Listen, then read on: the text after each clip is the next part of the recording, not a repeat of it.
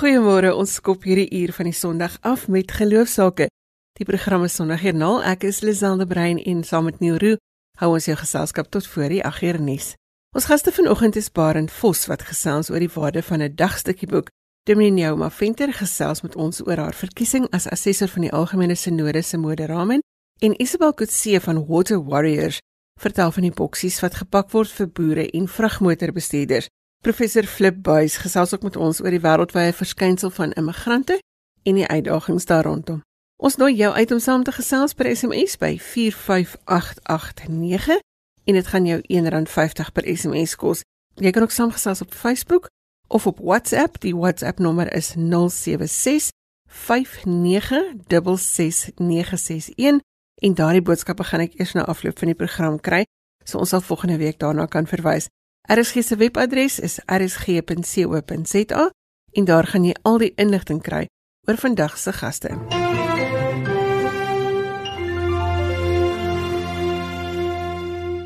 Professor Flip Buys is navorsingsprofessor in misiologie van die Noordwes Universiteit en is 'n kenner op die gebied van immigrasie. Ons gesels vanoggend oor hierdie onderwerp in die lig van die immigrante situasie in ons land en ook in die wêreld. Goeiemôre professor. Goeiemôre Lisel en luisteraars. Dankie vir die geleentheid om iets van my ervaring oor hierdie onderwerp met julle te deel.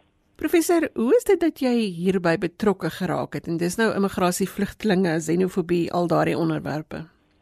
Lisel, ek het oor 'n periode van 20 jaar op vier maniere met immigrasie en vlugtlinge te doen gekry toe ek prinsipaal was van Mukanyo Teologiese Kollege in die ou tuisland KwaNdebele het ons vlugtelinge uit verskillende Afrika lande gekry en 'n gesprek met hulle en ook betrokkeheid by hulle persoonlike lewens het ek heelwat geleer van hulle probleme en motiewe. Ek het ook by die internasionale raad van World Reform Fellowship geleer want ons het daar die hele saak van die wêreldwye krisis van vlugtelinge as 'n fokusarea geïdentifiseer. En ek het toe ook juist terwille van WRF het ek uh, van die same die wêreld evangeliese alliansie, World Evangelical Alliance, deelgeneem aan 'n internasionale konferensie oor vlugtelinge wat in Londen gehou is in 2017. Intussen het ek ook 'n student, 'n meestersgraad student uit Brasilië wat in die Noordwes provinsie onder Mosambiekse immigrante werk. Professor, vertel ons ietsie van die omvang van hierdie uitdaging van immigrante. Jy weet Antonio Guterres, die hoofkommissaris vir vlugtlinge van die VN, het in 'n onlangse rapport aangetoon dat die vlugtlingeprobleem nou die grootste probleem in die geskiedenis van die wêreld geword het sedert die Tweede Wêreldoorlog. Daar's jaarliks nou by die 60 miljoen vlugtelinge en tans 250 miljoen mense wêreldwyd wat woon in lande waar hulle nie gebore is nie. Nou, volgens hulle berekening word 28000 mense daagliks vlugtelinge as gevolg van geweld. By die konferensie in Londen is ook syfers gegee wat daarop dui dat die grootste vlugtelingkampe tans in Afrika voorkom. En van die mense leef in haglike omstandighede en informele nedersettings en hulle probeer op allerlei maniere om werk en inkomste en selfs kos en dienste te kry.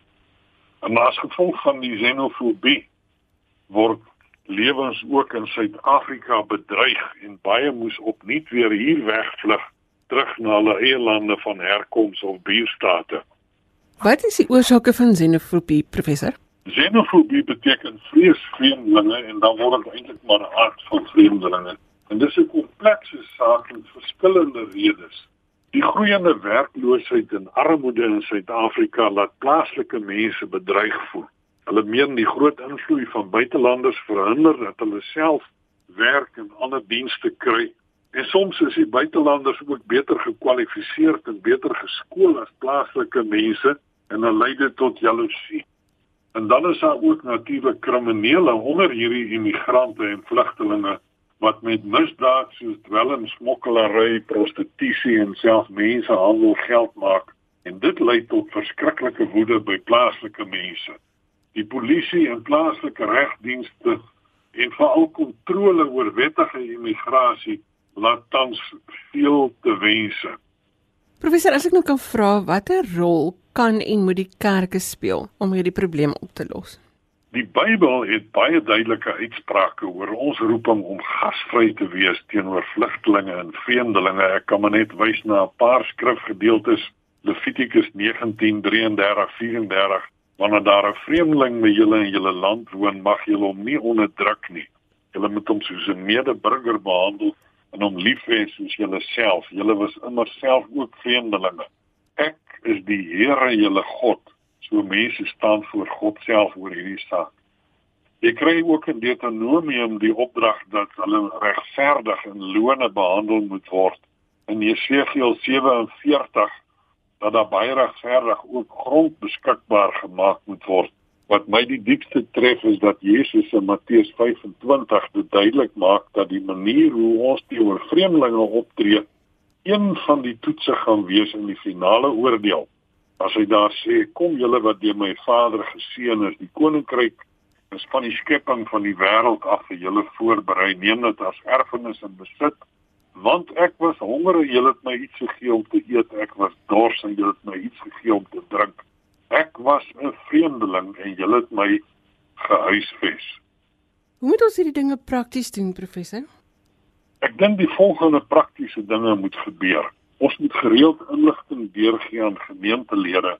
Belangrik dat lidmate van gemeentes gereeld ingelig word oor vlugtelinge en immigrante in hulle eie omgewing maar ook wêreldwyd want as gelowiges ingelig is, kan dit vrees verdryf en word ons opgeroep om met Christelike liefde, bewoordheid en ontferming teenoor vreemdelinge op te tree.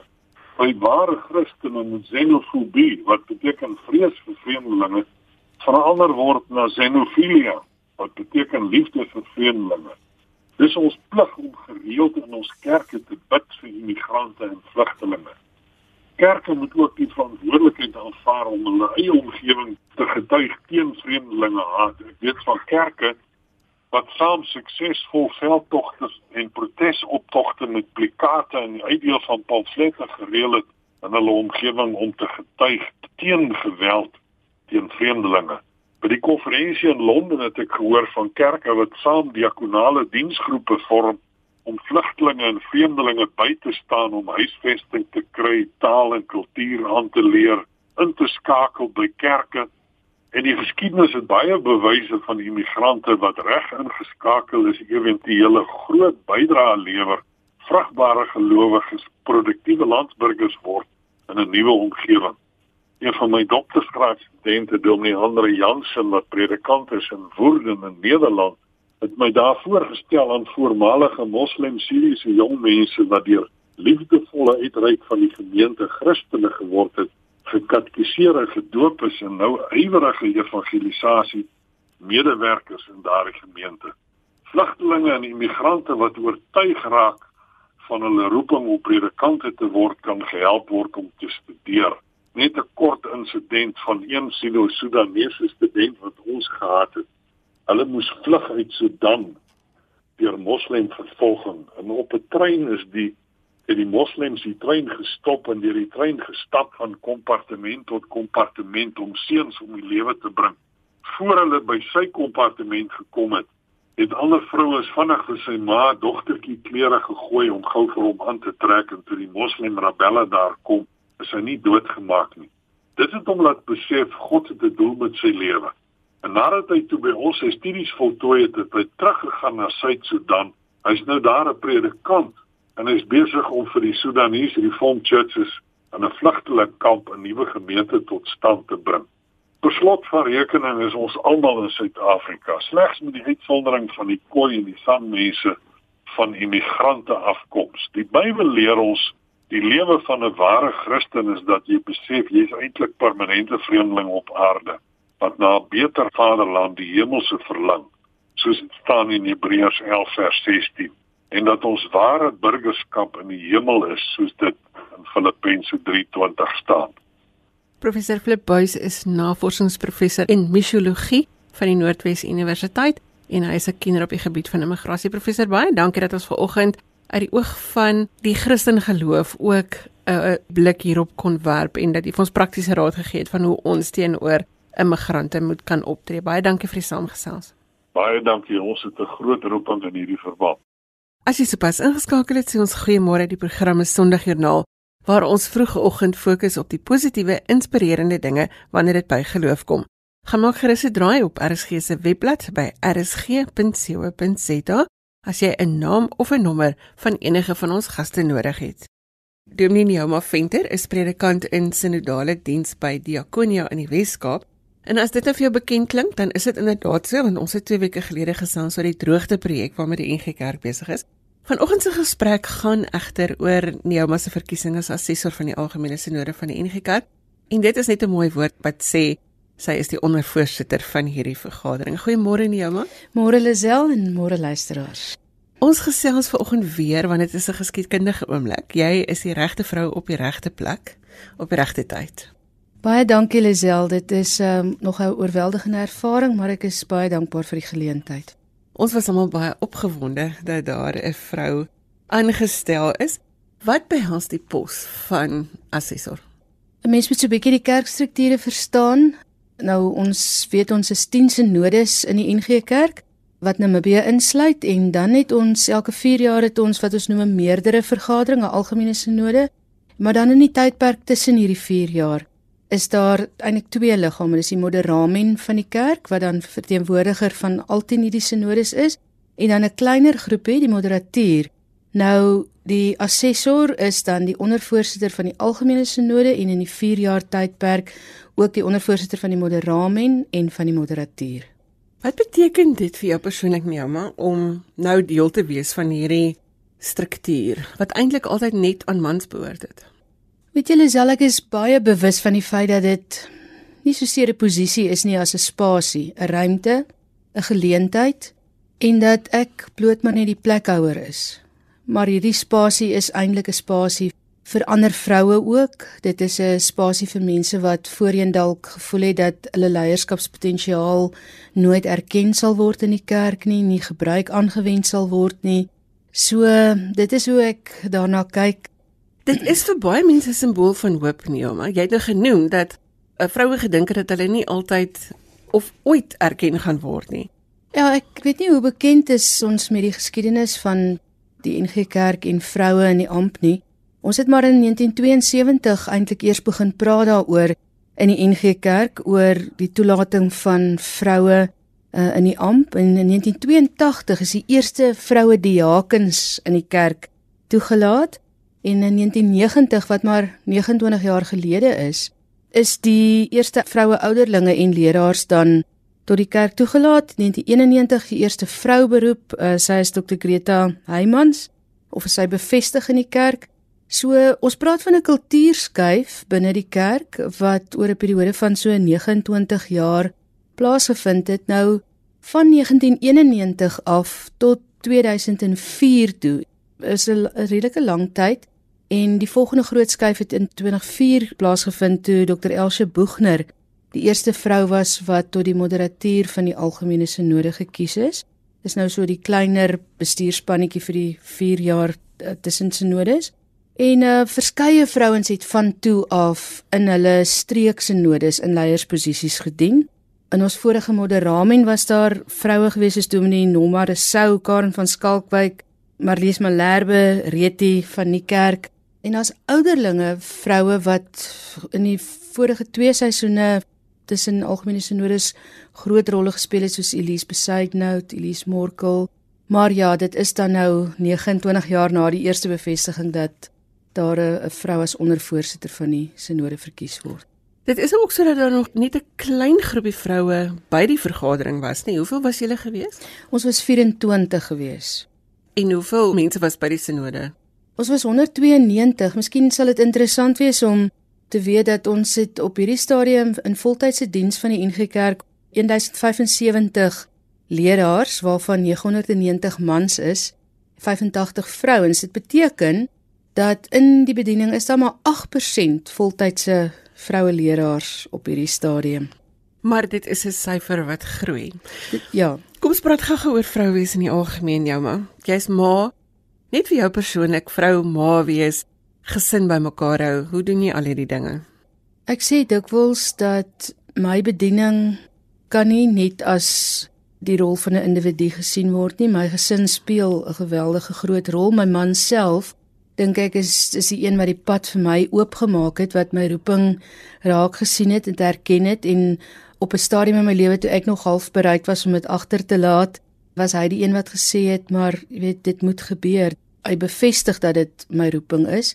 En my kinders is op hierdie ja, dit was vroeër jare was dit moeilik. My ouers het 'n groot rol gespeel.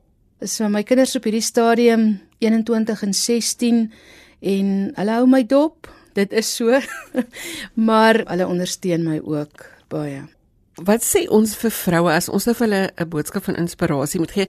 Miskien moet ek net eers gou sê, dis nie asof jy 'n kampvegter was vir die regte nie. Dit is regtig bloot dat vroue se plek nou erken word. Daar is vroue wat hard beklei om in leierskapsposisies te kom en dan is daar vroue wat net deur dit wat hulle doen en dit wat hulle leef en dit wat hulle uitdra wat nou wel hierdie posisies inneem want dit is amper in ons natuur. Maar wat is ons inspirasieboodskap vir vroue die week wat voor lê om te sê staan vas, hou vas, doen wat jy doen? Lisel, ek wil miskien eerstens sê dat vir enige groot kultuurskuif wat in die samelewing plaasvind, is daar pioniers. Ons praat van 29, 30 jaar vandat die eerste vrou beroep is en daar was vrouens wat daardie pad moes oopmaak en oopgemaak het. En dit is op hulle skouers wat ons vandag staan. Maar ek dink ons is ook nou op 'n plek waar ons kan begin vier die verandering wat ons beleef. En my persoonlike gevoel daaroor is dat die wese van God in sy volheid deur die beeld van man en die beeld van vrou verteenwoordig word. En daarom dink ek dat as ons onsself ontneem om in hierdie volheid kerk te wees, ontneem ons onsself ook iets van ons belewenis van God self. En daarom is dit 'n voorreg om saam met ons manlike kollegas as vroue in diens te kan wees. Ek het uh, vroeër in my lewe my roepingsteks was Handelinge 20 vers 24. Al is my lewe vir my kosbaar, reken ek dit van geen belang nie as ek maar net my lewenstaak kan voltooi en die dienswerk wat ek van die Here Jesus gekry het kan klaarmaak en dit is om die evangelie van God se genade te verkondig. Dan was 'n periode in my lewe wat ek besef het dat ek dit in enige spasie kan doen. En daar het toe ook 'n tyd gekom dat ek die voorreg het om dit in die voltydse bediening van die kerk te doen. Dit is vir ons almal belangrik om die liefde uit te leef. Baie geluk met jou aanstelling. Ons gaan jou dophou, soos wat jou kinders jou dophou. Sal ons kyk wat jy doen en so elke nou en dan 'n bietjie gesels oor wat aan die gang is. Nee, maar baie dankie vir die saamgesels vanoggend. Dankie Lisel.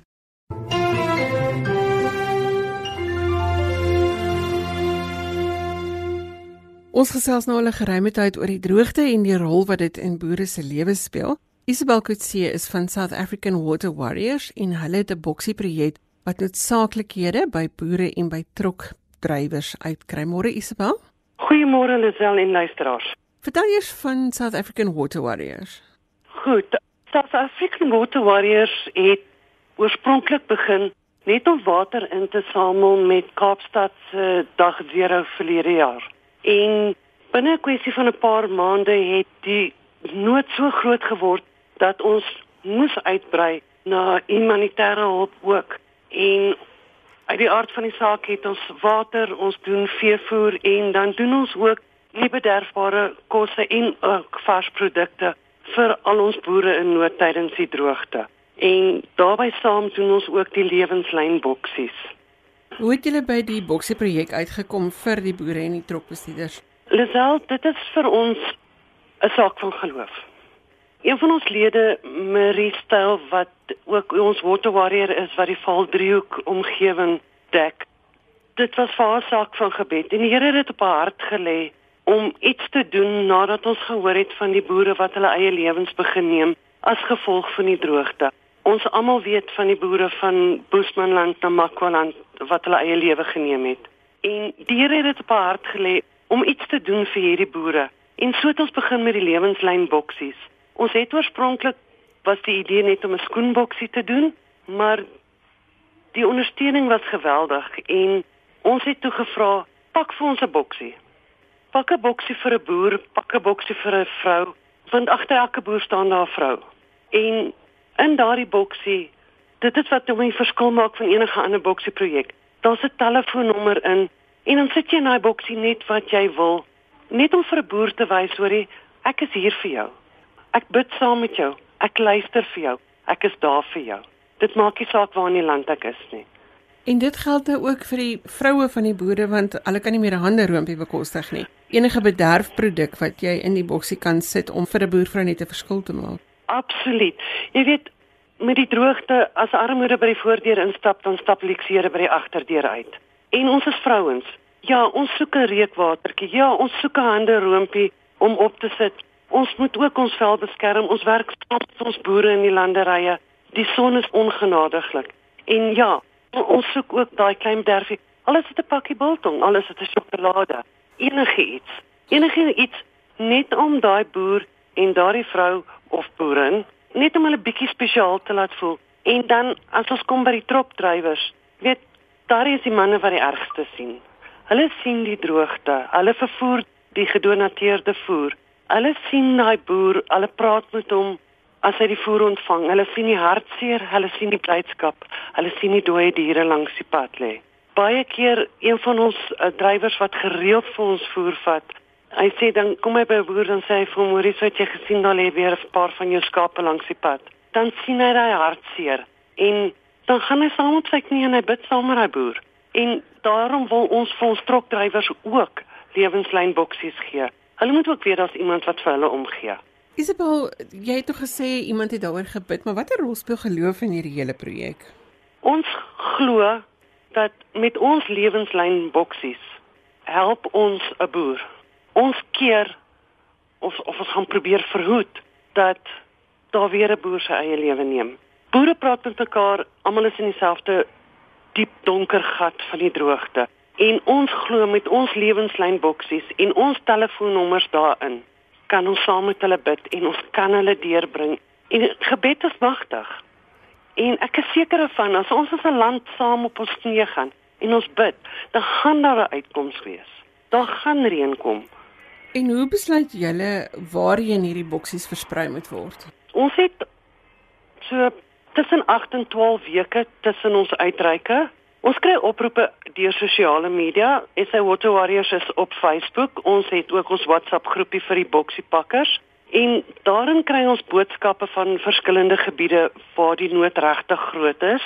Ons gestigter Dion Smit gaan en hy gaan stel ondersoek en hy vind uit hoeveel boere is daar wat geraak word, hoeveel mense is daar, hoeveel plaaswerkers is daar en dan bespreek ons agtlede dit Ons stel vir onsself 'n datum vas. Ons begin met donasies insamel en dan begin ons ook weer met 'n nuwe boksie projek. Ons maak seker dat ons genoeg boksies kry vir almal en die boksies gaan saam met die kos en die water en die varsprodukte en die voer na 'n uitreik toe. Ons volgende uitreik is die 26 Oktober by Kliprand in die Noord-Kaap.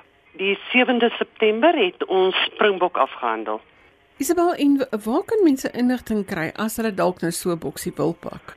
Lisel, hulle is vreeslik welkom om vir my of vir Marie te kontak. Ek sal met graagte ons albei se selnommers en ons e-posadresse gee. En dan het ons ook 'n WhatsApp link wat ek vir jou sal deur e-pos.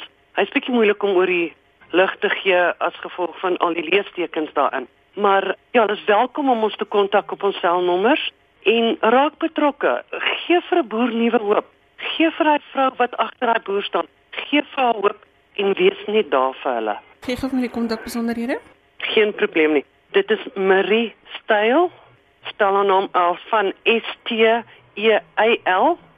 Haar telefoonnommer is 082 421 4485.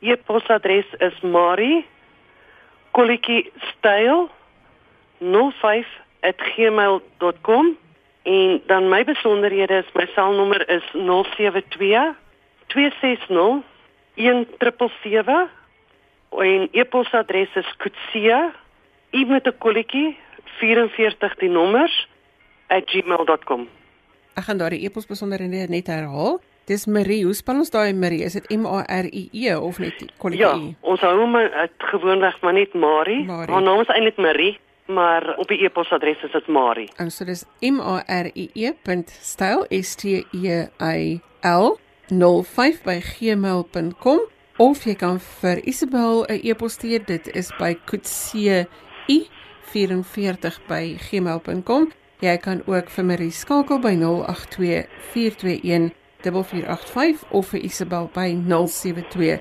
260 1777. Isabel Kutse is van South African Water Warriors en ons het gesels oor die boksies wat hulle vir boervroue verpak in die droogte tyd. Isabel, baie dankie vir die saamgesels. Vreeslik dankie Lisel. Sondagjoernaal is as 'n potgooi beskikbaar. Jy kry dit op RSG se webwerf en die adres daar is rsg.co.za. Jy gaan soek by die potgooi opsie wanneer jy op die tuisblad is linksbo en as jy Sondagjoernaal intik met vandag se datum, sal die program daar wees. Maandag of bietjie later in die week.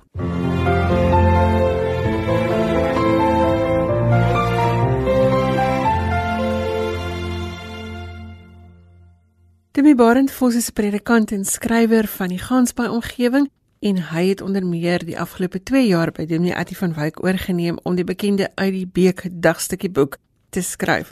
Ons gesels vanoggend oor die waarde van 'n dagstukkie. Goeiemôre Barend. Hallo Lisel, dit is so lekker om met jou te praat. En 'n voorreg. Dankie. Verduidelik vir my die konsep agter 'n dagstukkie boek. Is die Bybel dan nou nie genoeg nie? Ja, dit is nou 'n moeilike vraagie. Uh natuurlik is die Bybel genoeg, maar ons is ons nou almal mense en ons het almal ons eie bril waarmee ons enige teks lees, ook dan nou die Bybelse teks lees. So wanneer daar nou 'n Bybel se dagboek en 'n dagstukkie by betrokke is, dan aanvaar ons die skrywer daarvan se hulp om ons by die lees van die Bybel te help en ons het tog alle moontlike hulp nodig want die Bybel is 'n versameling van baie baie ou boeke, ou tekste in 'n wêreld waarvan ons nie eintlik veel meer weet nie. Ag en uiteindelik wil ons mos maar weet hierdie woord van God. Wat 'n woord is dit vir my in hierdie tyd, in hierdie plek en vir my persoonlik, vir my menswees. En daarmee dink ek help 'n dagstukkie boek. Ons het ek dink almal iewers met 'n dagstukkie boek groot geword. Waar die idee sy ontstaan vandaan? Weet jy wat die geskiedenis van die eerste dagstukkie is? Nugter weet. Die uit die beek boek is wel Afrikaanse oudste dagboek en dis nog amper 100 jaar. Hoe uit die beek het in 1925 begin en elke jaar so slokslag het uit die beek maar net verskyn en deur die geslagte heen 'n baie getroue en loyale volgelingskap opgebou. Daar is soveel mense wat nou nog vir my sê, maar my ouers of my grootouers het uit die beek gelees en ek glo dit goed want dit kom regtig van ver. Maar waar dit in die wêreld ontstaan het, sal ek nie weet nie. Ek weet net dat daar's dagstukkie boeke in Engels en in Duits die Engels praat van daily devotionals wat ook baie oud is en van ver af kom maar ek kan nie 'n vinger op 'n datum lê nie hoor jy het dus 'n bietjie verwys na dat dit die skrif 'n bietjie uitlei dat dit vir jou 'n bietjie meer toeganklik maak elke dag so kan ons kyk na die waarde van 'n dagstukkie hoe behoort 'n mens dit te gebruik in jou dag kyk 'n dagstukkie boekie is vir is vir gelowiges. Dis vir mense wat die waarde van die Bybel uh, hoog skat. So nou wil hulle 'n bietjie ekstra moeite doen om regtig te hoor hoe sê die Bybel? Hoe sê die Here? Hoe praat hy met my op hierdie dag en wat gee hy vir my om hierdie dag mee in te neem saam met my?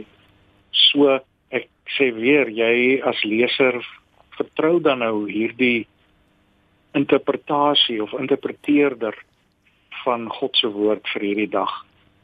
Daarom kan die skrywer nou nie regtig sy eie storie skryf nie. Hy moet of sy moet uh, skryf aan die hand van aanvaarde teks verstaan en 'n breë begrip hê van die Bybel en die verklaring daarvan. Maar elkeen van ons lees tog die Bybel en daarom glo ek ook elkeen wat dagstukkies lees, lees dit so om te hoor Here wat sê U van my. Wat wil u van my hê vandag? Hoe moedig u my aan? Hoe troos u my? Hoe gee u vir my 'n stukkie waarheid om hierdie dag mee aan te durf? Want sommige mense eh, beleef die lewe swaar. Daar's ook ander mense wat die lewe nie so swaar beleef nie. Dit is 'n interessante middeweg waar die skrywer reken ek hom of haar maar moet laat lei deur die teks self en wat die skrywer die oorspronklike skrywer van die bepaalde teks bedoel het toe hy dit geskryf het. Ek moet jou sê dit darm nou al verskeie kere met my gebeur dat ek dalk net ietsie onderstreep wil hê of nie seker is of ek reg gehoor het nie en dan is daar so 'n stukkie wat by my verbykom wat presies dieselfde ding twee of drie keer sê. So dit het groot waarde. Nou wil ek vir jou vra, wat moet jy as 'n skrywer in gedagte hou wanneer jy skryf? Waar kom jou geloofsinspirasie vandaan? Ja, weer 'n moeilike vraag. Kyk, ons lees nie die Bybel sommer maar op die klank af of op die teks af. Daarbey is die gees van God gedurig besig om ons te help om te interpreteer en te herinterpreteer en vir ons te verduidelik en ons by te staan in die verstaan daarvan. Dit alles moet die skrywer in gedagte hou en genadiglik ook Eh, sodat dit uiteindelik nie net sy of haar slim sogenaamde slim woorde is nie maar dat die gees van God ook daar werksaam is. En die skrywer moet dit weet. Ek sal baie graag wil hê dat in die lig van dit alles 'n leser wat die oggend so stukkie of as hy of sy dit eerder in die aand doen wanneer hy sy die boek die dagstukkie boek toemaak dat hy dit getroos sal doen dat sy dit sal doen as 'n mens wat gevoed is uh, die uit die beek naam beteken uit 'n stroompie of uit 'n stukkie water. Aan die ander woorde dat jou geestelike gedors geles is om dit so te stel.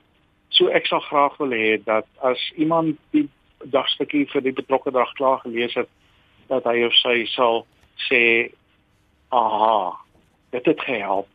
En en daarbey dadelik sal voeg dankie Here dat u ook op die manier vir my help en met my praat. Kom ons bind dit nou mooi met 'n stryk vas. Hoe dink jy moet gelowiges met inspirasie omgaan wat so 'n kort stukkie vir jou gee? Hoe behoort jy dit te gebruik en wat moet jou fokus wees? Ja, hoe kan ek nou vir iemand anders voorsê hoe hy of sy dit nou moet lees behalwe om te dink dat daar met 'n bepaalde manier van goed voel wees.